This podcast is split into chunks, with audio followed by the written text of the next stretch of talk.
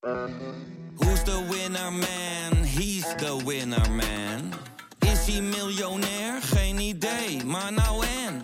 Je hebt geen jackpot nodig to be a winner man.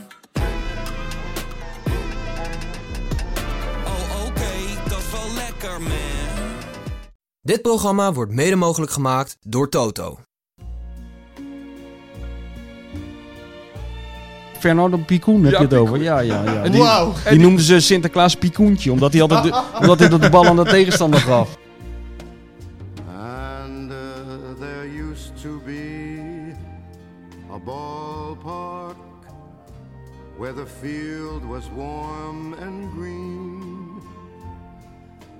And uh, the people played their crazy game with a joy I'd never seen. And the air was such a wonder. Welkom iedereen bij aflevering 68 van de Hartgras podcast. Er ligt een nieuw boek op tafel, er gaat een oud boek van tafel. Wat gooi je nou, wat gooi je nou neer, Frans? Ja, het is gewoon mijn tas. Oh, maar wel met een boek erin. Ja, maar niet voor mezelf, dus daar kan ik eh Gaan we het niet over rustig hebben. gooien. Het nieuw boek is van eh, Michel van Egmond, samen met Martijn Krabbedam geschreven, maar die is hier niet. Michel wel. Eh, welkom sowieso weer. Dankjewel. Loerders aan de Maas, maar meteen even over hebben, toch? Wessel Penning trouwens ook. Eh, Frans hoorde je al, ook aan tafel. Wat wil je erover zeggen, Michel? Wat, wat wil je erover weten? Ik, ik lulde blaren op mijn tong deze dagen. Daarom, ik heb dus- er alles al over gezegd. Dus stel een originele vraag en je krijgt van mij een antwoord. Eh, ik heb hem nog niet gelezen, dus ik kan niet inhoudelijk vragen. Hij is ook geschikt voor Ajaxide. Kijk, is het geschikt voor Ajax? Ook voor PSV'ers. Want wat, wat staat erin? Nee, het gaat een beetje. eh, Ik heb met Martijn eh, het afgelopen seizoen gevolgd eh, onder Arne Slot. Wat natuurlijk een, heel merkwaardig seizoen was. Waarin, waarin ik toch langzamerhand het idee kreeg dat Feyenoord een beetje in transitie is geraakt. Om het maar eens even lekker modern te zeggen. Het is ook een, een blik op het verleden, op het rijke verleden van Feyenoord. En hoe de club daarmee om is gegaan tot nu toe. Ik heb altijd het idee gehad dat eh, die Europa Cup winst in 1970 aan de ene kant de grote trots van Feyenoord was, maar ook wel eens een molensteen is geweest. Dat Ja. voor een verwa- verwachtingspatroon heeft gezorgd waar je eigenlijk nooit aan kunt, kunt voldoen. Ook daarin lijkt een eh, verandering eh, gaande in Rotterdam. Het verleden lijkt eindelijk te zijn beland op de plek waar het hoort, namelijk in het Clubmuseum. En de, de, de blik is op de toekomst gericht. En het is een hommage aan mijn eh, favoriete Feyenoorder aller tijden, Fred Blankenmeijer. Niet veel mensen kennen hem. Hij had de gewoonte, een gewoonte die je niet veel ziet in het voetbal, namelijk de achtergrond opzoeken in plaats van de voorgrond. Maar hij is een, een, een eh, ik denk dat Wessel hem ook wel eh, heeft gekend natuurlijk, een, een clubman zoals ze niet meer gemaakt worden. En eh, het is een soort mini-biografie van zijn leven. Want hij is in 1924 geboren. Hij heeft als kind de Kuip gebouwd zien worden. Hij is daar bij de eerste wedstrijd op de tribune gaan zitten als 12-jarige jongen. En is er nooit meer weggegaan. Hij heeft in het eerste gespeeld. Hij is bes- bestuurder geworden. En een legendarische perschef. Ehm, dus ik vond het ook wel eens een keer tijd om eh, hem voor het voetlicht te halen. Nou, je hebt het goed ingestudeerd, je praatje. Ik heb het al eens verteld. Zal ik een mini-boekbespreking doen? De eerste Ja, doe zin en maar. de laatste zin? Doe maar. Dan sla ik even de proloog wel over. Of... Ja, doe maar de eerste zin van het, na de proloog. Oké, dan hebben we meteen even een idee. Had ik eigenlijk met jouw boek ook al kunnen. Hoe was je boekpresentatie, Frans? Laten we nou in godsnaam op mijn boek concentreren, Oh, sorry, jongens. Sorry, sorry. Nee, het was gezellig, eh, Frank. Ik, ik heb je gemist. Ja. En eh, Michel trouwens ook, maar die had het druk met zijn eigen boek. Ik had ook geen uitnodiging, anders was ik zeker gekomen. Oh, jawel, volgens mij wel. Oh ja? Oh, verkeerde adres.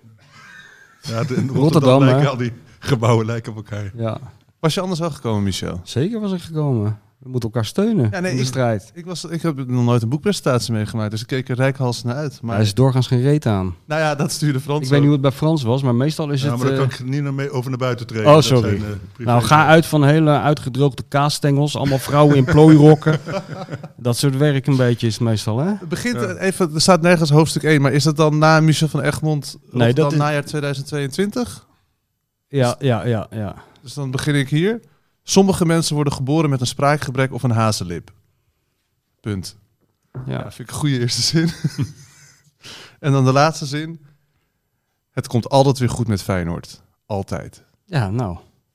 Nou, veel Dat plezier. Loerders aan de Maas, Ja, ligt in de winkel. ligt in de winkel. Maar dat betekent in de hemel dus. Als het loert van de Maas zit, komt het... Nou ja, Lou, kijk, ehm, die titel slaat natuurlijk een beetje op de, op de manier waarop Feyenoord wordt eh, beleefd. En eh, de hoop die er altijd uitspreekt. Dat hoop heb je ook als je naar Lourdes gaat. Dan hoop je op genezing. Nou, dat is een beetje de referentie. Maar het is inmiddels al een beetje achterhaald. Want dat hele gevoel, daar gaat dit boek over. Kijk, er is natuurlijk altijd heel lang een, een gewoonte geweest om in Rotterdam je het een beetje te, dat lijden, zeg maar, te cultiveren. Hè? Dat beroemde Gerard Cox mantra. Feyenoord supporter ben je niet voor je lol. Dat kan inmiddels wel een beetje in de prullenbak. Want het afgelopen seizoen eh, was je wel Feyenoord supporter voor je lol. Maar goed, dat kunnen we beter aan mijn buurman vragen. Want het is een Feyenoord supporter. Wessel. Ja, dit is, kijk, dit is natuurlijk wel ehm, het aardige voor mij. Michel is natuurlijk een beetje de, de chroniqueur van, ehm, ehm, van Feyenoord. Een jaar of tien geleden, ik weet nog precies, eh, Michel. eh, toen ontmoeten we elkaar, eh, elkaar weer eens bij de boekpresentatie. Volgens mij de biografie Dennis Bergkamp of zo. Ergens Ja. in dat hotel, dat verschrikkelijke hotel in Noordwijk. Hè, Huis te Duin. Ja, ja, ja. En eh, toen zei jij, Wessel, luister nou, neem nou één ding van me aan. Het wordt nooit meer wat met Feyenoord. Ja, ja, ja. Dat klopt. Daar heb ik je vier jaar geleden nog eens mee geconfronteerd. Toen waren we net kampioen geworden. En inmiddels, en dat ben ik wel helemaal met Michel eens, want ik snapte wel wat hij zei. eh, het wordt nooit meer wat met Feyenoord. Want Feyenoord, dat was altijd een amateurclub. Jongens, we hebben allemaal, of de meeste van ons hebben wel eens bij amateurclubs vertoefd. En die rare vogels die je daar hebt lopen, die heb je bij Feyenoord ook lopen. Feyenoord was een amateurclub. En het, het is namelijk geen enkele reden te bedenken waarom Feyenoord al 40 jaar minder presteert dan PSV en Ajax. Daar is geen enkele reden voor te bedenken, behalve wanbeleid. En nu vorig jaar, nu eh, eh, sinds Michel van Egmond zich is gaan bemoeien met Feyenoord weer is, met een eh, goed beluisterde podcast, ehm, is er echt iets veranderd. En dat, dat evangelie wat, eh, wat Michel nu brengt over een, een verstandige coach en verstandig beleid, ja, we weten niet wat we meemaken. Het blijkt, een, een voetbalclub blijkt maakbaar. En, ja, en- niet, niet, niet te vroeg juichen. Niet. Kijk, wat er is gebleven natuurlijk, is de onderlinge afgunst en het gekibbel. En ik hou nog steeds rekening mee, dus ik geef je nog niet... Ik, je hebt gelijk dat je mij herinnert aan die uitspraak, maar ik geef je nog niet helemaal gelijk. Want het is natuurlijk ook zo geweest dat die goede prestaties, met name in Europa, het afgelopen seizoen, voor een soort gewapende vrede hebben gezorgd. Jij weet ook, Feyenoord is de meest verdeelde club van Nederland. Iedereen heeft ruzie met iedereen. Dat is al zo sinds Zeker sinds 1978, dat er een soort splitsing heeft eh, plaatsgevonden. En die ruzie is eventjes op een laag pitje komen te staan, omdat er helemaal geen reden meer was om ruzie te maken. Iedereen was bezig met juichen. Maar mark my words, en we, we, we voelen al een beetje de stemming aan in Rotterdam, ook na, het, na de wedstrijd van dit weekend, dat zodra het wat minder gaat, breekt de pleuris weer uit. Ja, maar dat is toch bij elke club. dat is toch niet Maar ik denk bij Feyenoord een tandje Ja. erger nog Ja. wel. Ja, op het moment eh, eh, dat de wilde dieren ruiken dat de coach en dat de vernieuwers kwetsbaar zijn, Ja. dan, dan zullen ze toeslaan. Dus, dus ik raak in paniek, alarmfase 1, op het moment dat er iets raars gebeurt rond Frank Arnissen. Je denkt, Ja. wat is er aan de hand? Ja. Dus, dus, dus we zijn inderdaad nog lang niet veilig. Is Maar het beginnetje is gemaakt. Ja, wat jullie natuurlijk verschil met Feyenoord is dat jullie natuurlijk die knokploegen hebben die steeds eh klaarstaan om bij iedereen thuis. eh, Nou, dat, dat, is een van de, dat is een van de redenen wat Feyenoord zo'n moeilijk bestuurbare club maakt. dat hoor je natuurlijk. niet. Ja, bij andere clubs zal het ook wel voorkomen, niet op die schaal. eh, Ik denk niet dat dat bij PSV snel zal voorkomen hoor. Ik denk niet dat er, dat er ooit iemand in de tuin heeft gestaan bij Toon, Herbrand, eh, Toon Gerbrands of zo. En bij Feyenoord gebeurt dat veel sneller. spelersbus opwachten, dat is het wel, bedoel je. Ja, spelersbussen opwachten, dat is een beetje een eh, folklore. Daar raakt echt niemand meer van in, in de war Ja. volgens mij. Dat hoort er een beetje bij. Maar in je tuin staan, wat Ja. Mark Hoevermans heeft meegemaakt. Ja. Een baksteen door je ruit en je deurbel die beklad is. Dat is minder leuk. Ja. Ja, er is een soort, in de Kuip heerst een soort, in principe zijn we boos. En, en, en verontwaardigd en zo. Eh, ik was gisteren, sorry voor het zijsprongetje, ik was gisteren bij Schalke 04. Cadeautje van mijn zoon voor mijn verjaardag. Voor het eerst leuk. van mijn leven daar naartoe Oh. gegaan. Schalke, Augsburg, gaat nergens over. Ze waren vroeg gegaan, rond het stadion gelopen, in het stadion gezeten. Schalke wordt wel eens ge- vergeleken met Feyenoord. Echt de volksclub. Maar het is totaal anders. Iedereen is daar blij. Iedereen Ja. heeft een Schalke-shirt aan. Van, van ook met namen van 30 jaar geleden erop en zo. Het is daar echt een, een, een bijeenkomst van blije gelovigen. Ja. En dat Feyenoord wordt ook wel eens met, met, als zo religieus omschreven. Maar dat is heel anders. Dit zijn allemaal zeer kritische gelovigen. Die zijn zo in staat weer heiden te worden. Of, nou ja, dat zou ze willen. Dat lukt natuurlijk nooit. Maar er is echt een groot verschil. Die boosheid. ik, ik, ik, ik, ik dacht daar pure, pure arbeideristische hardheid aan te treffen bij Schalke. Mhm. Zoals ik die ook ooit nog eens bij Sunderland wil zoeken. Waar, waar ik ook ooit nog eens naartoe wil. Maar dan moet je naar Millwall gaan. Dat Nou is- ja, Maar, maar ik trof daar dus een soort blijheid. Het leek wel gospel. Het was echt, Ja, maar dat komt ook omdat in Duitsland sowieso de sfeer rond een stadion is sowieso een stuk gemoedelijker dan... eh, dat is bij alle clubs zo. Dat, daar heb ik me altijd over verbaasd. Dat is zelfs bij, bij Dortmund Schalke bij wijze van... Ja. staan mensen nog door elkaar heen bier te drinken een kwartier voor de wedstrijd. Dat is, ja, dat is aan Nederland ondenkbaar. Ja. Dat speelt natuurlijk ook mee. Stel, hè, ik weet dat je niet kan switchen van club in je leven. Maar stel dat je nog zou mogen switchen, Wessel. Zou je dat dan doen? En zo, voor welke club zou je dan gaan? dat, ja, dat, Ja, daar heeft Wessel nou nog nooit over nagedacht. dat zie je gewoon aan zijn hoofd. ja, maar dan, kijk, ik, ik vind Sparta een leuke club. Dat is Ja. best wel een mooie club. Maar mij wat te je verliest veel, en je verliest veel. Ja, maar dat is het leuke. Die mensen gisteren na afloop Schalke verloor vrij onterecht met 3-2 tegen 10 man. Mooie wedstrijd. Nou, ja, schitterende Ja. wedstrijd. 2-0 voor, 2-0 achter, 2-2 worden. Het voetbal ziet er overigens niet uit. en dan eh, op een Feyenoord-achtige manier toch van 10 man met 3-2 verliezen. Maar na afloop liepen de mensen gewoon weg. En, de, en ik zag een, een, een mooi woord en ver- vertaald, want mijn Duitse uitspraak is niet zo goed. Een, een mooie tekst. Lieve, liefde zit hem niet in de eh, liga waarin je speelt.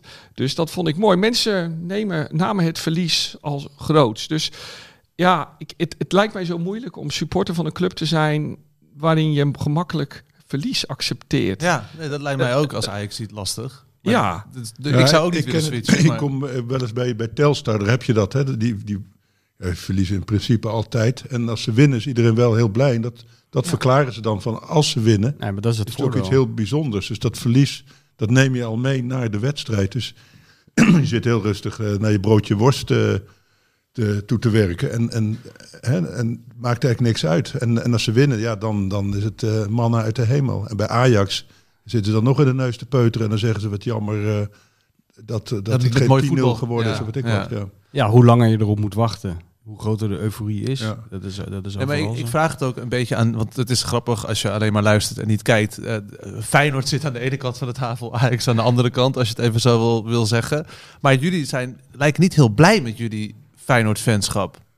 Ja, ik ah, voel ik me helemaal geen fan. Ik ben helemaal geen Feyenoord-fan. Ik ben iemand die over Feyenoord schrijft. Ik heb wel sympathie voor de mensen die op de, op de tribune zitten, maar ik ben geen fan. Daar ben ik ook heel blij om dat ik geen fan... hè? Je bent meer zo'n on- Nou ja. veldonderzoeker. Nou, dat gaat ook een beetje ver. Nee, maar ik, ik, ik denk wel dat het... Ik ben er wel blij mee dat ik een beetje afstand heb. Anders had ik dit boek ook zo niet kunnen schrijven. Dus ik, ik, ik voel me geen fan. Ja, maar wel antropoloog vind ik wel goed. Want eigenlijk ben jij nu mij ook een beetje aan het bestuderen. Van, ja, Dat doe ik al jaren. Ja, ja, inderdaad. Nu zit ik naast zo iemand, een weldenkend mens. Ja, maar jij, gewoon bent jij bent inderdaad het schoolvoorbeeld van de mensen over wie ik mij al 30 jaar verbaas. Ja, een hele verstandige man met een goede baan en een gezin. Als je hem op straat tegenkomt, denk je, niks mis mee. Heel normale man. Tot op dat fluitje wordt geblazen. En dan verandert ook Wessel Penning in een soort emotionele tijdbom. Is dat Die zo, dingen, die dingen Nou ja, doet, ja. Om, om even aan te geven, wij waren daar gisteren om half drie bij Schalke al. Die wedstrijd was om half zes. Maar om half drie begon natuurlijk de wedstrijd van Feyenoord. Toen zijn we op een trapje naast het stadion gaan zitten. Ik met mijn zoon op onze telefoon. Hebben we, hebben we die wedstrijd van Feyenoord zitten kijken. En het is dan na afloop echt, echt moeilijk om je weer te zetten tot een leuke dag in Duitsland. Want we zitten ons, we, we zitten ons behalve het eerste half uur... zitten we ons een uur op te vreten over de traagheid... en dat Feyenoord geen kansen creëert en zo. En over Kussenbuurk natuurlijk. Dus dat is wel zo. Ik heb wel geleerd in de loop der jaren... om, om het binnen een half uur na de wedstrijd wel redelijk van je af te zetten. Nee, maar het, het voordeel is natuurlijk van, kijk, dit lijkt me allemaal heel lastig als je dit hebt. Dit lijkt me gewoon heel vervelend, wat Ja. Wessel heeft. Want ik zou liever gewoon nog zo'n bokworst nemen en een halve liter bier en lekker naar die wedstrijd gaan. Maar hij zit er maar mee. Het, het, het voordeel ervan is dat ik Wessel ook wel eens heb gezien op momenten dat het goed ging met Feyenoord. En dat, daar kan ik dan weer wel jaloers op zijn echt natuurlijk. gelukkig. Hij gaat gewoon de, de spelersbus opwachten, hè? Dat heb jij met, een, gedaan. met een glimlach en niet Ja, met- toen ze met won- vuur. toen ze gewonnen hadden, hè, niet als en hooligan. Kijk, ik neem me al, ik neem me al, ieder- al jaren een van de mooiste momenten uit mijn leven voor. Dat is het moment dat Feyenoord bij de Arena wint. In de Arena wint. En dat ik op de Brienenoord ga staan. om de bus binnen te halen. Dus wat gebeurde er het, af, het afgelopen jaar? Maar dan moet je dus, ik heb daar in een column wel eens op gespeculeerd van tevoren. Moet je niet doen, want dan gebeurt het niet. Nee. Dus je moet er sowieso eigenlijk niet over praten. Maar wat gebeurde er dus bij die laatste klassieker in Amsterdam? Eh ja, Feyenoord speelde goed en had eigenlijk de wedstrijd in handen. Dus we, wat we deden... Ik, heb inmiddels een, een, een groepsapp met allemaal weldenkende supporters. Echt waar. Eh, buiten, niet waar. Buiten de 90 minuten dan. Ja, ja. Maar, en daar zaten we al te appen, jongens. We gaan, hè, we gaan ze opwachten. We gaan naar de Kuip. Of waar je ook, waar, ze, waar de bus als eerste zou komen. Dat mooie moment om op de vluchtstrook, wat helaas supporters van ADO ook doen. Als ADO wint van, van, van Ajax, zo, zo diep zijn we dus op zich wel gezonken. Maar dat gebeurt dus nooit. Maar dat is toch, het is geluk. En ik weet wel, het gaat nergens over. En er zijn veel belangrijke dingen in het leven. Maar ja, laten we blij zijn dat we, dat we, dat we allemaal wat absurde afwijkingen hebben. Maar je hebt nooit, als je daar zou staan, je, je zou geen seconde denken van... Goh, wat ben ik nou eigenlijk aan het doen? Ik sta hier twee, eh, 22 multimiljonairs toe te zwaaien... die verder gewoon met 120 kilometer mij voorbij rijden... scheid aan mij hebben. Maar je doet het voor jezelf, Maar, toch? Maar dan moet ik eerlijk zeggen, als ik er dan sta, dan denk ik wel... Wat doe ik Wat hier? doe ik hier nu? Oh, goed, goed zo. Nee, oké. Dat- Heel fijn. Eh, laten we meteen eventjes de link leggen naar, de wedstrijd 1-1. Feyenoord hadden punten kunnen pakken, want PSV en Ajax lieten die ook liggen. AZ is nu de koploper. Ja. Had ook niemand zien aankomen, denk ik. Eh, Frans, hoe heb jij naar dit weekend gekeken en naar de Eredivisie? Ja, nou ja, als een antropoloog zou ik willen zeggen. Ik eh, ben heel gedissocieerd. En, eh, maar eh, het was wel kut natuurlijk van Ajax. Maar, nee, ik zat in het stadion. Het is dus Oh. helemaal... eh, en, en ik, da- het is heel gek, want ik was met een, eh, mijn- mijn Telstar-vriend. En eh, over miljonairs gesproken, die heeft een Maserati. Dus ik was al heen met die Maserati gereden. Dus ik, ik had mijn, eh, mijn dagje al binnen. Gaat hij ook met die Maserati naar Telstar? Want die Dat auto's... Wel. Nou, Ajax is het probleem. De Bijlmer is niet, zeg maar zeggen... Maserati proef. inderdaad? Maar die Maserati is meer waard dan die hele selectie van Telstar. Ja. Maar het was ook heel spannend, die wedstrijd. Zou die Maserati nog in zijn geheel in die, in die garage staan? Met dus, ik- spiegels. dus af en toe zei ik, ik denk nu dat het eerste wiel eraf is. Oké, maar jij dus samen met die vriend in die mooie wagen naar, de- naar de arena. ja. Johan Cruijff Arena, helemaal vol goede moed. En toen kreeg je een B-elftal en 1-1. Ja, dat, die Ocampos en die uh, Grilic, dat zijn... eh, ik, ik zou bijna willen zeggen... Niet zeggen, niet zeggen. Maar Doe het van, niet. van voor de transitie. Aankopen van voor de Feyenoord-transitie. Ja, die Ocampos heeft er weinig van gebakken, hè? Ik vond die Grilic op zich nog wel oké. Nee joh, toch verschrikkelijk. Hou, hou Ja, dat- hij brengt weinig. Je Ja. zag meteen toen Alvarez erin stond. Maar goed, het was pure arrogantie en gemakzucht. Dus wij, het was 1-0 en ze hadden geen zin om 2 of 3-0 te maken. Nee. Robbie was trouwens heel erg slecht, zeg ik maar meteen. Wie? Robbie, ja, die- die- je weet al die. Oh ja. God. En hoe- Nee, Timber, Timber is Ja, onze god, hè? Deze Robbie podcast. ook, hè? Oh ja. De hulpgod. Als Timber niet kan. Maar het was een, geen goede wedstrijd en jij hebt het in het stadion meegemaakt. Maar het, ze spelen op zich goed, want Go Ahead deed helemaal niks. Maar het, het ging heel langzaam. Het was net alsof ze een rondootje in de training eh, zaten weg te tikken. Dus wij zijn na 70 minuten weggegaan van Niet? dat wordt zo'n wedstrijd. En toen hoorden we dat gejuich toen, ik- toen we al eh, in de... Maserati. in Na, zeven, na 70 Je kan- minuten ben je Frans, weggegaan? Nee, het was de 78ste minuut. of zo. Waarom ga je weg? Ik vind dat... dat Nou, is- vanwege die Maserati. Nee, maar dat hier openbaart zich ook het, het gebrek aan, eh, hoe noem je dat? Olifantenhuid. ja. Als je dan bij de eerste de beste teleurstelling gelijk al boos na 70 minuten weggaat, kom op hé. Wat denk je dat die Wessel allemaal heeft meegemaakt Ja. in zijn leven? Die, Nee, die, die nee, heeft maar- er al die narigheid er Ja. gewoon uitgezeten hoor, tot de 90ste Ja, minuut, neem ik aan. blijven, Nee, maar goed, ik, ik ga niet altijd met, me- met de Maserati. Dus ik, moest ik moest wel mee. En, eh, maar goed, dus waren we heel snel, snel thuis. Lekker thuis verder zaggerijnen. Nee, want dat, die, ik, ik, ik ben zelf een hele brave chauffeur, maar die vriend van mij die, die scheurde toch wel met eh, ja, bizarre snelheden door de. Hebben jullie de 200 aangetikt? Nou, ik was zo gespannen dat ik niet naar de kilometerteller durfde te kijken. Dat, helemaal voor me. Zo met je handen zo, zo vasthouden, zo boven je. Dat doe je Hey, maar- met twee handen. Maar hoe stond die Maserati nou geparkeerd? Stond hij tussen gewone mensen, auto's gewoon ergens? Of, eh, ja, zo een Mocht je van- onder de arena? Nou ja, hij durfde hem niet te dicht bij te zetten en had een plek in zijn hoofd die niet eh, meer bestond. Dus eh, op een gegeven moment stond hij gewoon ergens in een P10 hartstikke ver lopen.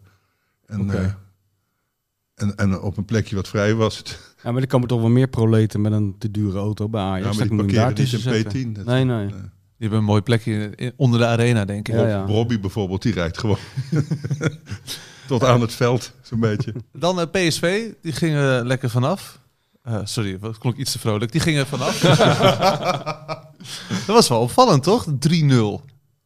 Wessel, hoe heb jij daarnaar gekeken? Ja, het is volgens mij niet zo opvallend. Want eh, eh, PSV speelt eigenlijk volgens mij het hele seizoen al heel erg slecht. En won eigenlijk op vrij wonderlijke manier eh, van Feyenoord met 4-3. Eigenlijk op een manier zoals Feyenoord vroeger altijd won van andere topclubs.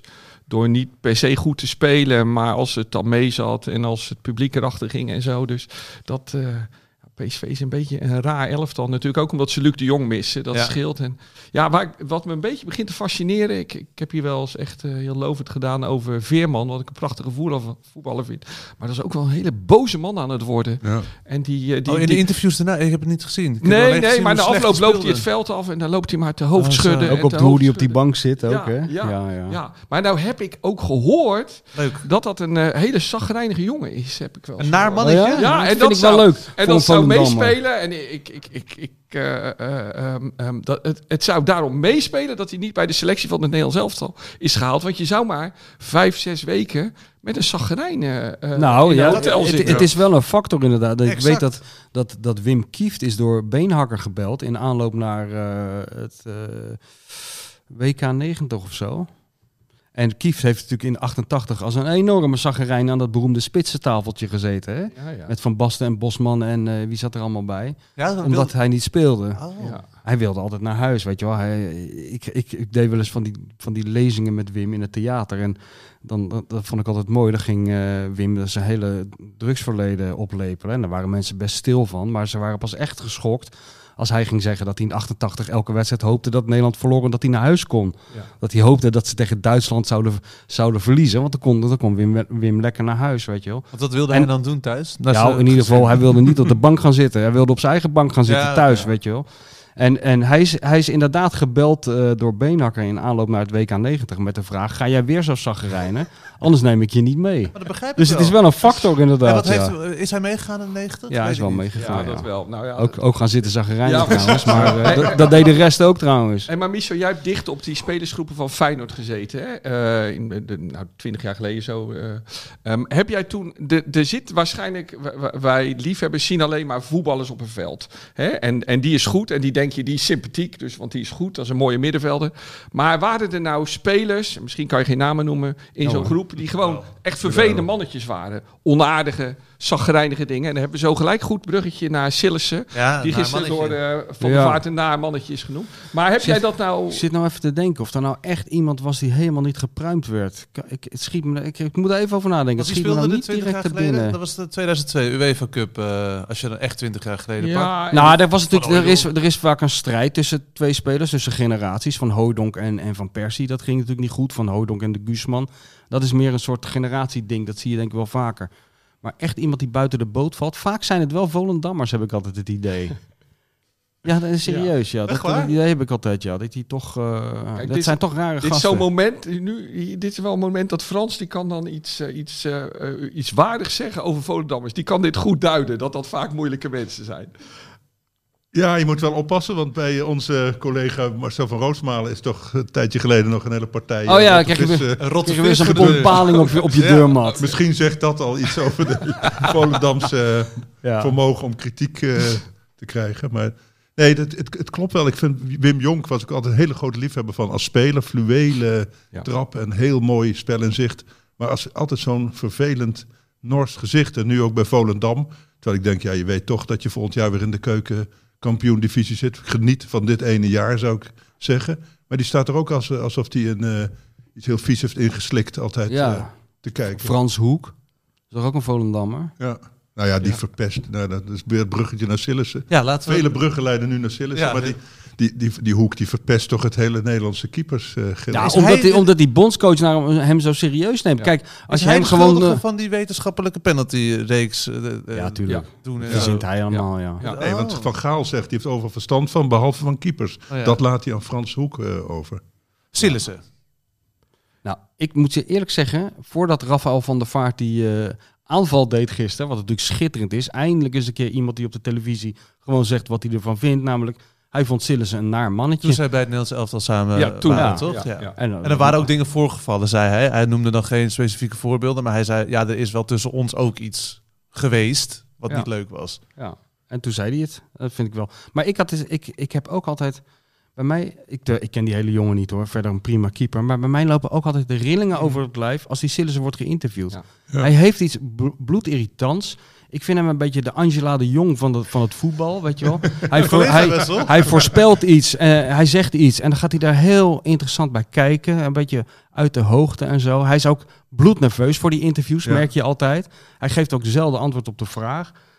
Hij heeft iets wat Edwin van der Sar ook heeft in interviews, vind ik ook bloedirritant. Vroeger had Edwin van der Sar dat ook al. Nou, de- weet ik als niet, maar directeur niet- van Ajax is hij Als irritant. directeur van Ajax, ja. Ja, vroeger vond Als ik het ook. Nou, vond ik ook een verschrikking om naar te luisteren, die van der Sar. Hele goede keeper ook. En Maar wel sympathieker dan Sillissen kwam je over, toch? Nou, het scheelde verdomd weinig in mijn geval. Maar, maar Sillissen vind ik op de een of andere manier... Die moet het, die, ja, hij moet natuurlijk helemaal niks. Maar het zou handig zijn als hij iets aan zijn PR doet. Want het is niet echt een dat goede zei ze houding. toch ook, dat hij juist met iemand had gesproken die tegen hem, hem zou hebben gezegd dat hij moet claimen dat hij de eerste keeper is. Ja Dat joh, hij- maar kijk, weet je wat iemand tegen die Sillissen moet zeggen? Wees gewoon jezelf voor die camera. Ja. Ga niet zo... Ga niet zo En wees collegiaal. Nou, niet eens, nee, niet, wees niet collegiaal. Die keepers zijn nooit collegiaal, joh. Het- het- er is altijd een soort psychologische strijd. Pa- Patrick, keepers, Lode, Patrick Lodewijks was er een meester in. Ronald Waterreus was er een meester in om de concurrent weg te pesten. Laat ze dat vooral doen en laat ons ernaar kijken en ons dat becommentariëren. Maar ik vind in die interviews moet je gewoon jezelf zijn. En niet, niet, niet zo uit de hoogte doen. Jij wilde heel graag wat over zeggen, Wessel. Nou, wat wel over de overeenkomsten met Van der Sar zijn wel een soort, vooral als je op een hoog niveau, als je een goede wedstrijd hebt gespeeld, een soort dédain naar journalisten. Ja, ja, ja. en ja. dat, en dat, daar, dat gevoel, daar kan ik me best wel wat bij voorstellen. Maar het lijkt me professioneel om dat wat te onderdrukken voor de camera. Ja. Maar ik denk ook wel gewoon, kijk, we, we, we ik denk veel mensen. Ik, heb ook wel ergens een duivel in me zitten. En, en, jullie waarschijnlijk ook wel. En wat gisteren Sillissen gebeurde, hè, die, die, die, nou, dat, die speelt de persoonlijkheid natuurlijk. En dat is hij niet. Want in zichzelf heeft hij natuurlijk heel veel twijfel. En dat komt al volgens mij tot uiting in dat moment in die wedstrijd. Hij ergert zich aan die speler die ervoor staat. En hij trapt die bal Ja. hard Zo tegen dom. die speler Heel aan. dom, ja. En misschien moeten we het zo met deze twee deskundige keepers aan tafel er nog eens over hebben. Over het- of het een overtreding was. Maar vervolgens gaat hij heel opzichtig met zijn handen in de lucht staan. Van wat, wat doen ze mij aan? Wat een schande. Terwijl hij donders goed weet dat hij iets heel doms heeft gedaan. Wellicht iets heel menselijks, hè, wat, wat kan gebeuren. En dan na afloop zo in je eigen fout en falen en domheid blijven Ja. hangen. En dat vind ik ernstig. En, en volgens mij zijn er vaker incidenten met Sillissen geweest. Ja. En er was natuurlijk ook altijd het gerucht, waarom dan Frank de Boer hem niet mee? Vanwege dit. Nou ja. Is het eh, gerucht dus, dus, maar- En dat is natuurlijk best wel moeilijk, want ik vind het ook altijd wel moeilijk. Je wordt voetballer, je wordt groot en weet ik wat, je komt hele vervelende mensen tegen. Je klikt misschien niet met zo'n groep. Dus het lijkt me altijd heel goed om, om moeilijk om jezelf te blijven. Hè? En dus kwetsbaarheid ook te tonen of er met me- verstandige mensen over te, over te praten. Ik vind hem typisch een geval met weinig verstandige mensen om zich heen. En zo verstopt geraakt of verdwaald geraakt in je eigen persoonlijkheid of zo. Ja en Zover de analyse dat- over de keeper die ons gisteren de das omdeed. Maar goed. Ja, maar ook dat, dat aanmeten van die arrogant. Kijk, ik, als Slaat dan arrogant doet tegen Ja. een journalist, dan vind ik dat prima. Slaat dan die tegen iemand met zo'n videocamera zegt van eh, fuck off with your holiday camera. I only talk to the big cameras. Dat past bij Slaat dan. Maar als, als Sillissen stoer gaat doen of Van der Sar, je ziet gewoon dat ze met trillende knietjes tegenover, die, tegen, tegenover Frankie Snoek staan. Ja. En als je dan, ja, of Stekelenburg, weet je wel. Terwijl, ja, dat is een soort labrador, weet je wel. Die, die, die staat alleen maar te kwispelen. Dus als je er gewoon antwoord geeft op de vraag, is er niks aan de hand. Nee, maar goed, dat is Frans, allemaal media. ja. Jullie, kijk, jullie zijn journalisten, jullie hebben daarmee te maken. Ik zit gewoon op de bank of, eh, Of in een Maserati. of in een Maserati eh, op snelle weg eh, naar eh, betere orde. Maar, nee, dus, nee, maar het is natuurlijk, je, je moet ze toch beoordelen wat ze doen in het, in het elftal. En wat ik bij Sillis het probleem vind, is dat hij onzeker is ook op het veld. Dus hè, voor de camera zit hij ook, is hij ook onzeker en dat verbergt hij achter eh, stoere praatjes die hij eh, ook helemaal niet goed over het voetlicht krijgt. Dus je gelooft hem ook eigenlijk nooit wat hij zegt. Maar ik vind hem ook op het veld een, een nerveuze keeper.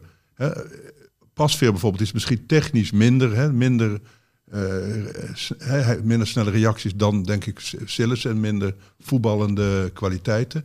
Maar Pasveer die straalt heel veel rust Ja. uit. En dat zie je ook in die verdediging. Ik vond het beste toen bij Nederland tegen België dat Malasia in een onmogelijke positie hem een hoge terugspeelbal gaf. Terwijl al die aanvallers van België al klaar stonden om eh, de gelijkmaker eh, erin te tikken. En, en hij wist er eigenlijk geen raad mee, maar hij bleef rustig. Maar het feit dat Malasia dat doet, betekent dat zo'n speler denkt... Ah, pas weer kan je altijd die bal spelen. Vertrouwen. Ja. En Sillissen is veel grilliger. Sillissen kreeg, er was ook nu bij tegen Feyenoord ook zo'n moment, zo'n rare terugspeelbal die fout was. Maar door Sillissen wordt dat meteen een totale paniek en, en, eh, een wanhoop, weet je wel. Ja. Dus die speler denkt, de volgende keer doe ik dat niet meer. Maar helemaal niet meenemen dan? Of eerst de keeper maken? Dat is toch een beetje de keuze nu?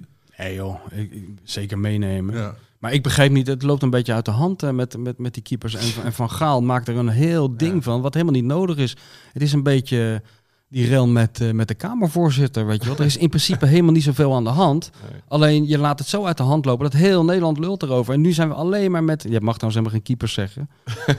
Wat moet je dan zeggen? Een goal, eh, Goalplayer, players. goalplayer. Ja, dat is Frans Hoek, hè? Goalplayer. Ja, lul niet. Ja, ja, goal. Jij, bent- jij, jij denkt dat je keeper bent geweest. Ja, nee, je bent, doelman. nee, maar- nee, nee, nee. Je bent altijd goalplayer geweest. Omdat je mee moet voetballen. Ja. Ja, ja, moet van Frans. Grappig. Weet je, het loopt uit de hand. Het Ja. wordt veel en veel te groot gemaakt. En straks gaan we in de aanloop naar het WK gaat het alleen nog maar over die keepers. Terwijl dat lijkt me het minst belangrijke, eerlijk gezegd. Sorry hoor, keepers, maar Ja. Ja, het, Het wordt echt een groot ding. Maar het wordt nu veel Nou, dat is niet helemaal waar, want je zag bijvoorbeeld hoe Courtois tegen, hè, tegen Ja, Nederland. Als hij er niet in gestaan had, hadden wij Nee, geheel onverdiend, tuurlijk, maar met moet 4-5 goeie- in gewonnen. je moet een goede keeper hebben natuurlijk. Zullen we eens kijken naar de koning van de week? Eh, of van het weekend eigenlijk. Wie heeft nou... Ik vind het heel lastig. Me- meestal springt er wel iemand uit. Maar voor wie heeft nou het best gespeeld deze Volgens week? mij springt er dit weekend echt iemand uit. Nu moeten we even na gaan denken allemaal, jongens. Er springt echt iemand Het zal wel iemand van uh, Cambuur zijn, toch? Een uit. keer. Nee, Dat Nee? is, dat is Haaland. Ja, Manchester. Oh ja, ja. Dat is, ja, maar Nee, kom op. ja, dit is, nee, als er ja. ooit iemand is uitgesprongen, dit lijkt wel geen mens. Het lijkt wel een, dat, dat, dit lijkt wel een, een computeranimatie, die man. Dat Ook hoe die eruit ziet Ja, maar, ja, in alle Eh, ja. opzichten. Het is bijna de, het, de raarste topvoetballer waar ik ooit naar gekeken. Het was een soort, hij ziet eruit als, als, als een soort Horst Rubesch-achtige figuur, weet Ja. je wel. Wie? Alleen die kon, niet, die kon niet, niet, niet echt voetballen. Ja. En hij is hartstikke lenig. Het is niet te geloven. Ik Ja, hij spot met al dat soort Ja. wetten, spot Ja. hij. Maar wat zie jij dan, Wessel, als je hem ziet op, op het veld? Ja, maar ik, ik snap het niet meer. Ik begrijp het niet meer. Altijd met iedere voetballer die, die we altijd hebben gezien, hebben we iets van onszelf ingezien. Ja. Toch? Nee. Ja, ik wel. Ja, Nee, helemaal niet. Nee, daar heb ik helemaal geen last van. In iedere voetballer zie je iets wel eens Ja. zo. Dat kan ik ook. Maar hij, hij is overal. Eh, ik herinner me ook die wedstrijd Nederland speelde. De eerste wedstrijd van Van Gaal was dat geloof ik Nederland, Noorwegen-Nederland. In, in, eh, in een leeg stadion was dat geloof ik nog destijds. Maar Ja. er was, zat heel veel spanning op. Want Nederland was die kwalificatie slecht begonnen. En Noorwegen had één gevaarlijke speler. En iedereen was bang. Je zag iedereen bang zijn. Hij zorgde in zijn eentje voor de dreiging. Hij kreeg alleen geen ballen, want Dit- de rest kon niet maar dit lijkt wel alsof dit een gekloonde mens is of zo. Dit is iets, iets Hij, onvoorstelbaars. hij, in dat opzicht doet hij mij een beetje denken aan, aan eh, Ronaldo vroeger. Precies, die, die, ja. ja. Daar had je ook, wist, wist iedereen van, ja, hij komt dus als een raket op je af zometeen. Hij gaat, en eh, iedereen wist het. En het was niet mooi. je- de- het zag nee, er niet we gaan gewoon in één uit. rechte lijn naar het goal. De Ronaldo... eh, de- Uit Brazilië Ronaldo. Ja, ja. De dikke. dus ja, ik vond Haaland echt... eh, En als we, ik hou altijd heel erg van om ook even binnenlands te kijken. Hè. Zo chauvinistisch ben ik ook wel weer. Ja, ik, ik, ik, Want Haaland laten we dat ik vond de leukste kijken. wedstrijd van het weekend vond ik toch NEC Feyenoord. Want ik vond NEC best goed spelen trouwens. Ik zat te genieten van. gaan niet daarna de koning Ja, van het ja, weekend. Nou, daar ga ik niet mee. Ja. Dat is een soort Sillis eh, op nummer 10. Nee, maar dat is ook zo'n figuur die een hele slechte reputatie heeft Ja. als persoon. Maar als je, hem, als je hem ziet, het gemak waarmee hij paast en... eh, Ja, maar ik vind toch nog even om eh, over de psychologie verder te gaan. Ik vind het gedrag van Tanane lijkt me meer passen bij hoe Tanane echt is. Het lijkt mij geen toneelspel. Hij is wel zichzelf. Hij is hij zichzelf. te En veel Sillis- zichzelf, ja. Sillissen Ja, speelt, veel. speelt een rol. Weet je, dat kan je beter niet doen. Ook niet, vooral niet voor een tv-camera, want tv vergroot alles uit. Ja, vertel ons wat. Maar moeten we heel even eh, Foden ook niet vergeten dan, toch? Want Haaland pakt nu dan, omdat hij al de weken daarvoor... Maar Foden speelde gisteren toch ook fantastisch. ja. En de Bruine natuurlijk. Ja. Dat is- Dat is- En Ten Hag, wat moeten we daar nog over hebben? Want die is natuurlijk 6-3 van afgegaan voor de mensen die het gemist hebben. Manchester City tegen Manchester United. Het schijnt dat hij daar eh, nog wel krediet heeft, hè? Hij was eh, manager van de maand in de Premier League. Voor deze wedstrijd. Ja. Ja. Ja. Nee, Roy Keane stond alweer klaar, maar die, die moet er ook zijn brood mee verdienen natuurlijk. Maar die stond alweer klaar om hem eh, ja, af, te, af te zagen. Maar ja, goed, dus dat vind ik altijd zo typisch Engels eh, fenomeen. Hè? Na elke wedstrijd het hele beleid van, eh, Ja. van het hele Zo populistisch. Ja, Ja. Ik denk dat hij die tablootjes ook even beter een dagje kan overslaan, eh, Erik. ja, Want daar, daar is het ook altijd of zwart of wit natuurlijk. ja. Maar ik was we- wel weer blij dat Anthony en Martial scoorden, want dat zijn natuurlijk... Scoorde wel mooi. Ja, Ja, heel mooi. Ehm, zullen we Haaland kiezen dan? Even Haaland kiezen we. top. Ehm, dan nog even iets anders. Chef Dood. Ja, we moeten het over Indonesië nog heel even hebben. En de 125 doden die daar zijn gevallen in het stadion. ja, ja, ik, ik ken ze niet, kan ze niet helemaal persoonlijk gaan Nee, maar heb je ook aan gedacht, toch? Denk ik. eh, dat toen het Nee, vreselijk. Ja, dat was natuurlijk. eh, ja, je denkt meteen aan die, aan die jaren ne- eh, 80, die rampen met, die Engel, met die Liverpool eh, s- eh, toestanden. Hè? ja, gek genoeg verbaast het me dan ook weer niet, weet je wel. Het is ook weer zo de- zo'n zo'n land, zou ik maar zeggen. Je, leeft, vroeger was het hele, waren het hele kleine berichtjes nog. Had je wel eens een eh, stadionramp in Brazilië of weet ik waar. Ja. Nu heb je de beelden natuurlijk. Nu heb je dus die beelden. Spreekt het meer tot de verbeelding ook. Ja. Maar het is wel, ik, ik ben één keer bij voetbal in Indonesië geweest. eh, ik weet niet, die onder Van Gaal, Indonesië en Nederland. In Jakarta. Maar toen heb ik me wel verbaasd over... eh, Fanatisme. Zo. En, hoe, en de gekte daar. En hoe snel dat eh, toeslaat, die gekte. Want ik weet nog dat de spelers maar, eh, van Persie en nog wat mensen... Die, gingen, die wilden de stad in, of die gingen de stad in met een busje. Die wilden iets gaan bekijken. Heel, niet, heel merkwaardig voor voetballers trouwens. Want meestal krijgen ze met geen tien mitrailleurs de deur uit. Maar zij wilden ergens naartoe gaan. En wie zijn ze dan? Van Persie? Van Persie, ik weet begon Ik niet het meer. leuk altijd een ja, maar ik weet het niet meer, want het is 100 jaar geleden. Maar in ieder geval was een mannetje of 4, 5. En eh, die, die, toen werd er al eh, door mensen op het voorhoofd getikt van waar gaan, wat gaan jullie in godsnaam doen? En zij zijn nooit het busje uitgekomen, want toen het busje stopte, toen kreeg je een soort, eh, ja, dat, dat was gewoon een totale gekte opslag. En dat, ik, dat zag ik dus die avond in dat stadion ook. Het slaat heel snel op die tribune, slaat dat om. Er wordt een soort collectieve massahysterie. Dat zie je natuurlijk wel vaker in een voetbalstadion, maar het viel mij daarop. Terwijl de, die clubs, Malang en Su- Surabaya, ja, denk je niet zo snel aan. eh, aan Nee, voetbal, maar ik wist bijvoorbeeld ook helemaal niet dat dat... Er zijn al, al ongelooflijk veel doden gevallen door voetbalgeweld daar. Ik geloof al meer dan 70 in de, in de, in de afgelopen jaren daar. Ja, ja, daar horen wij nooit wat van. Nee. Maar dat zijn natuurlijk nationale competities. Is goed dat die er zijn. Hè? Dus, dus, dus je kan je nog de koning te rijk voelen als je eh, supporter bent van de club in Indonesië. Dat je daar ook kampioen wordt. Dat stelt blijkbaar ook wat voor. Want ik zag hier mensen rondlopen met vlaggen van bepaalde eh hooligangroepen. Dus blijkbaar daar. Dat heb je daar dus ook. Je denkt Ja. altijd dat, dat, vooral, dat we dat in Rotterdam-Zuid vooral... eh, Ja. eh, uitgeprobeerd hebben. Maar dat, dat heb je waarschijnlijk eh, overal op de wereld. Kijk, zo hoorde ik ook een, een, een paar jaar geleden eh, van Brabantse collega's...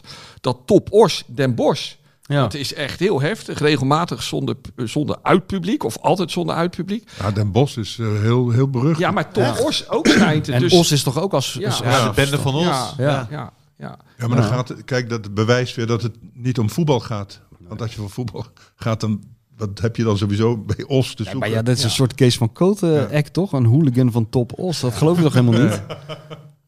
Maar het bestaat. Nee, maar je wordt hooligan omdat er verder niks te doen Ja, is. Ja, dan ga je Ja. maar een beetje om je heen slaan. Maar is het dan een stammenstrijd of zo? Moet je dat dan toch altijd, dat is vaak geroepen hè, over voetbal, dat het een soort stammenstrijd is, misschien wel. Het is gewoon een vrijplaats waar je dingen Ja. kan doen die je ergens anders niet kan doen. Kijk, als ik in eh, winkelcentrum Zuidplein ga staan en ik roep heel hard Jo- Hamas, Hamas, Joden aan het gas, word ik echt gearresteerd. Als ik drie kilometer verderop in de Kuip ga zitten, mag ik het gewoon roepen. Ja. Ook als gewoon regeringsleiders op de tribune zitten en hoogwaardig en, de, en onze grote vriend de burgemeester. Ja. Dat doet iedereen net alsof hij doof is, terwijl toch echt 20.000 man zijn die het roepen. Mhm. Dus het is gewoon een vrijplaats, het voetbal. Denk ik. Ja, ik denk dat het een hele mooie analyse is. Dat dacht ik ook. Ehm, over eh, spannende momenten gesproken. Ajax-Napoli of Napoli-Ajax volgens mij. Is het Ajax-Napoli? Volgens mij eerst, Ajax, Napoli. eerst in Napoli. Amsterdam, toch? Ja. Oh, het is wel in Amsterdam. Ja, Ik dacht dat ze naar dat ze geen uitshirts of dat Nee, Hier gaat het overigens al fout, hè? Als je dat al niet weet. Als ze Maar, oh, ja, spelen we nou uit of thuis, maakt het allemaal Ja, uit. ja. Maakt het allemaal uit. Nee, hey, en- we en- zien wel. En welke van de zeven shirts eh, zal Ajax Ja. morgen dragen? Nee, met van, die, met van die vogeltjes erop. Ja, het- dat toch- kan niet Welke vind je anders. het mooist, Wessel? nou, ik begreep Bob van mijn zoon, die is 16, dus die weet dat. ja. Dat eh, Daily Paper ligt er nu natuurlijk helemaal uit in Rotterdam.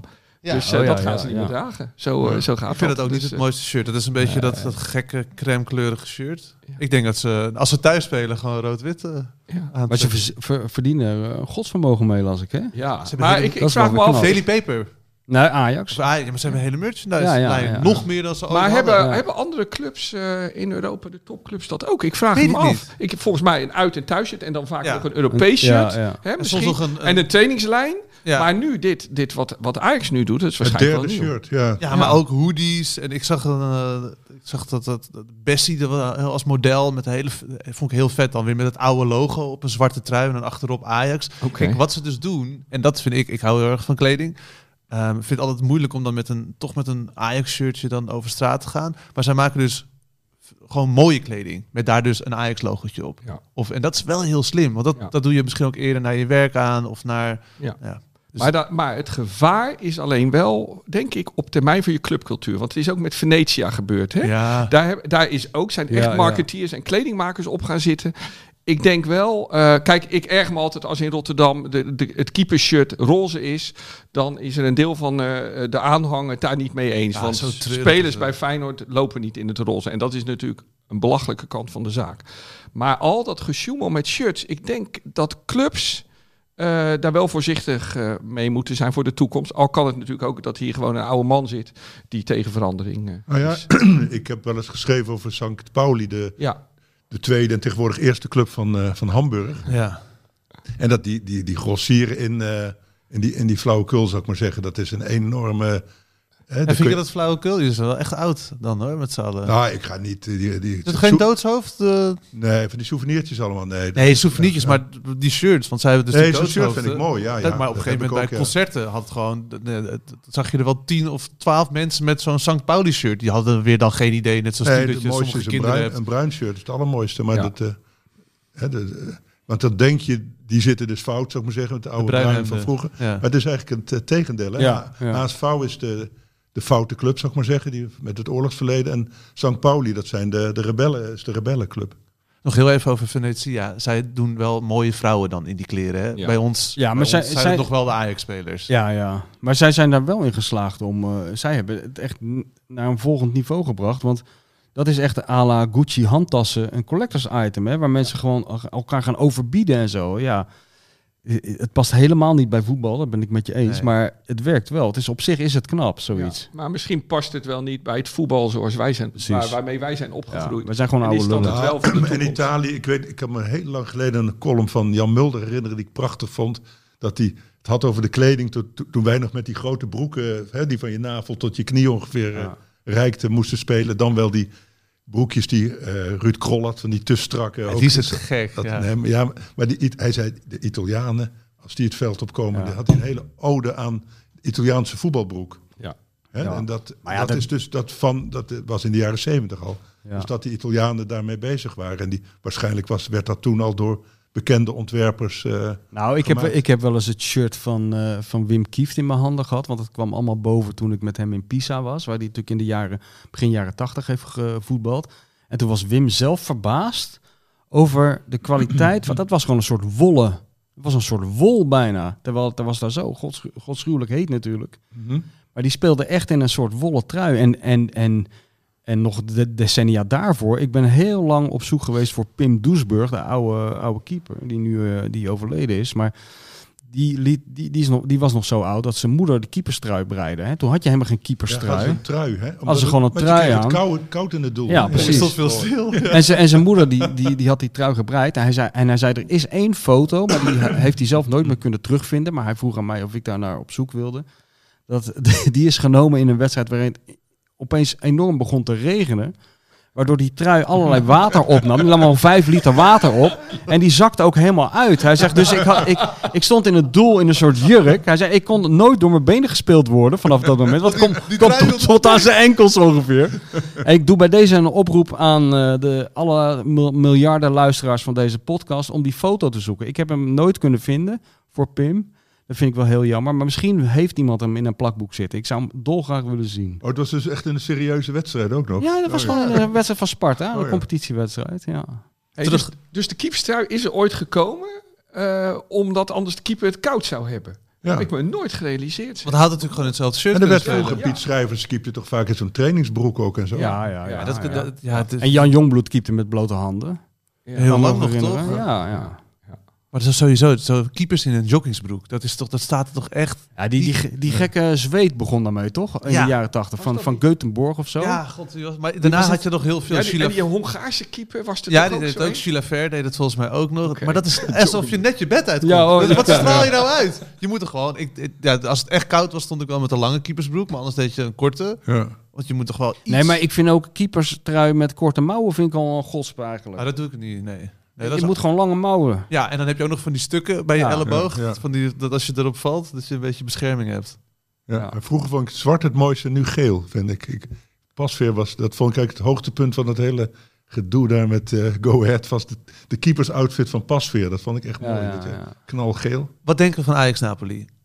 Michel, laten we weer beginnen. Ja, eh, weet ik niet. Daar denk ik eigenlijk niks van op dit We moment. moeten er iets van denken. Probeer Moet er iets van te denken? denken. Ja, wat moet ik ervan denken? Wat Wat gaan wil je ze voorspelling? Ja, geen idee. Maar ik vind het altijd zo zinloos om wedstrijden te voorspellen. Maar dat moet. Ja, oké. eh, Je wens. Ja. nou, verlangen. nou, ik heb wel een band met Napoli. Want Nou. mijn, kin- mijn kinderen zijn half Italiaans. En ik, ik kom elk jaar in Napels. En ik weet hoe het daar beleefd wordt. Dus, En je komt En- ook weer thuis dus blijkbaar. en ik kom zeker ook weer thuis. Dus in principe gun ik het de mensen van Napels. Nou, wat, eh, roep iets. oh, eh 0-3. 0-1. 0-1. Nee, het blijven Italianen. 0-1. Ja. Wat denk jij, Wessel? Ik denk dat Ajax in een rood-wit shirt gaat spelen. en, eh, en ik denk dat Ajax het beter gaat doen dan voorspeld. Want nu wordt Napoli weer heel groot gemaakt. Dat is ook weer heel Nederlands natuurlijk. Ehm, nou, 1-1. Dan ga ik voor de 2-1 voor Ajax, toch? Als Ajax ziet. Frans. Ja, ik Je hebt denk- ze zien spelen, live in het stadion. Nee, maar dat, eh, slecht, wat is het? Slechte generaal is altijd een goede uitvoering. Hè? Dus dat, dat, en dan ben ik met Wessel eens. En dan gaan ze echt die Ocampos en die uh, Grilic en, eh, die maar opstellen. En wat, doen, wat doen ze in de spits? Ik denk Kudus toch wel. Hè? Het, het, Bobby heeft niet veel, veel laten zien. Had En ze hebben nog een Italiaan achter de hand, die elke keer redelijk goed invalt, die Luca. Toch? Je daarvan moet hebben, dan, eh, dan, dan ga ik er voor 0-1. Maar de, Toch Nee. gevalletje Feyenoord aankoop eh, eh, 2007. hoor. Ja, vind je die. Luca- ja, ja, van die ja. hele, ik vind sowieso die, die, die late heel opportunistisch aangekocht. Echt, eh, dat zou Overmars nooit gedaan hebben, maar goed, Overmars kunnen we nu niet meer. eh dat echt knullig vind ik dat. Hè, van die, we moeten wat kopen. Ja. En eh Ziyech eh, willen we niet, want die is te duur en eh, die willen we sowieso niet. Maar de, pub- hè, de, Maar daarom is het goed toch dat ze gehuurd worden misschien. Zo Ocampos en zo Luca. Met ze- optie tot ja. koop. Ze wilden hem kopen in eerste instantie. Ja, maar toen is de raad van bestuur. Ja, die, eh, Ik denk dat hij, eh, ja, ik denk dat dat toch wel verstandig is geweest. dat heel een hoop geld gescheeld hoor, die beslissing. Die Ocampos, Eh, 23 Een miljoentje, miljoen. een miljoentje of twintig inderdaad. Dat, het ergste vind ik dat hij wel heel erg zijn best doet. Dat maakt hem nog slechter. Weet je wel? Ocampos zie je dan heel hard Ja, jij hebt, jij en liever iemand die na vijf minuten denkt van nou, het wordt toch niks. De 78 minuten naar huis gaat, hè? Naar huis gaat met hem samen. Niemand zegt, "Laat Maserati- achterin de Maserati, Ja, maar Ocampos. Ik las destijds ook in Twitter dat Je moet er niet te moeilijk over doen. verstandige mensen zeiden toen op social media... ja, eh, we kunnen wel twijfels over hem hebben... maar hij gaat waarschijnlijk wel starten bij Argentinië op het WK. Maar dan dacht ik, dat is natuurlijk altijd de reputatie. Ja, die zit in de Argentijnse selectie, die is goed. Ja. Ik bedoel, ik dacht vroeger ook als Feyenoord dan een Uruguayaanse verdediger haalde... moet wel goed zijn. Ja. Dat, er zit, zijn natuurlijk ook verdedigers uit Uruguay die niet goed zijn. Ja, jongen, ik ben erbij geweest dat die Uruguayaanse verdediger gecontracteerd werd. Serieus, daar Wat ben ik bij een geweest. echt voorbeeld. Dat was, ja, dat is een serieus. Fernando Picoen heb Ja, je het over. Ja, ja, ja. En Die, Wauw. die noemden ze Sinterklaas Picoentje, omdat hij altijd de, omdat hij de bal aan de tegenstander gaf. Maar die liep in het, in het, in het trainingskamp in, in Argentinië eh, rond. En ik weet nog dat ik richting eh, tra- eh, het trainingsveld liep van Feyenoord samen met Henke Larsson, die toen nog voetbalde. En die klaagde altijd overal over. En die liep toen heel klagend daarheen van wat is het toch een kutclub, weet je wel, dat Feyenoord. Dan moeten we helemaal naar de andere kant van de wereld voor een trainingskamp en op zo'n knollenveld trainen. En het is veel te warm en het hotel is slecht. En er staat een gozer op dat trainingsveld een balletje hoog te houden. En hij zei tegen mij, moet je kijken, er staat gewoon een of andere ballenjongen op ons veld. Wat is dat nou? Dat was Picoen. Die tekende nog diezelfde middag een driejarig contract. Maar in zoverre is Ajax groeit wel een beetje naar, naar het oude Feyenoord. Ja. Dat zou... eh, Heb- hebben ze bij Ajax hebben ze weer een Argentijn? Hebben ze weer een Weer de Argentijn bij verkeerde. die er niks van kan? Ja, Ja. de ene Argentijn die het niet kan, hebben ze Ah, weer en nu gekocht. word, hier word ik voor gestraft. Hè, Ja. Door, God mooi, op een dag. Door, Ja, ja. de- dus bij, bij de volgende klassieker scoort ook Campos natuurlijk. In de 100%. Kuip voor mijn neus Ja, waarschijnlijk, ja, ja, helaas. ja. De cirkel is wel mooi rond. Ja. We begonnen over Feyenoord en we eindigen bij Feyenoord. Nog heel snel jouw uitslag. Eh, 3-2. Kijk, het belooft een mooie wedstrijd te worden dan wel. Ja. Nee, het zijn twee aanvallende teams. Dus, eh, Is er nog iets wat jullie eh, graag op eh, de tafel willen brengen? Dat je denkt van nou, dat moet ik nog even. Ik, ik reed hier naartoe vanuit eh, Rotterdam of vanuit eh, Haarlem. En dat je dacht, van, dat moet ik echt nog even in de Nou, Hartgras-podcast het, zeggen. het oordeel van de keepers gisteren, de billenbal van eh Sillissen tegen de kont van eh Jiménez. Was het een overtreding van Jiménez of niet? ik vond Nee. het doelpunt eerlijk gezegd. Ja. De- de- de- inderdaad, door die reactie van Sillissen raak je even in verwarring. Kennelijk de scheidsrechter ook.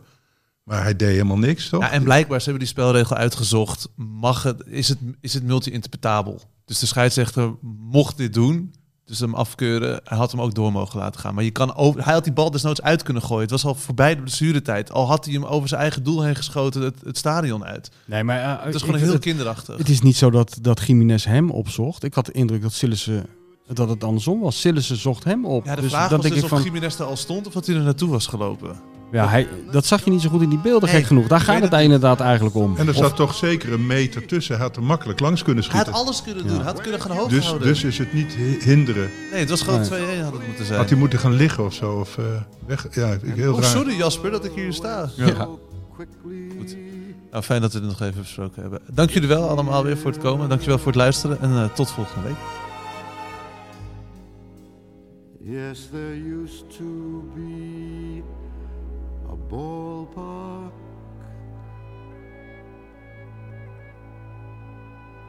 right here. Hartgras is een podcast die geboren is uit het blad Hartgras. Van papier, ja. Gek, hè? Neem daarop een abonnement. 17,50 voor een proef die vanzelf weer ophoudt na twee nummers. Weet je dat je ook jezelf een cadeau kunt geven? Jij verdient dat. Ga naar hartgras.nl. Beter dan een oestermes. Of een hoed. Dit programma werd mede mogelijk gemaakt door Toto.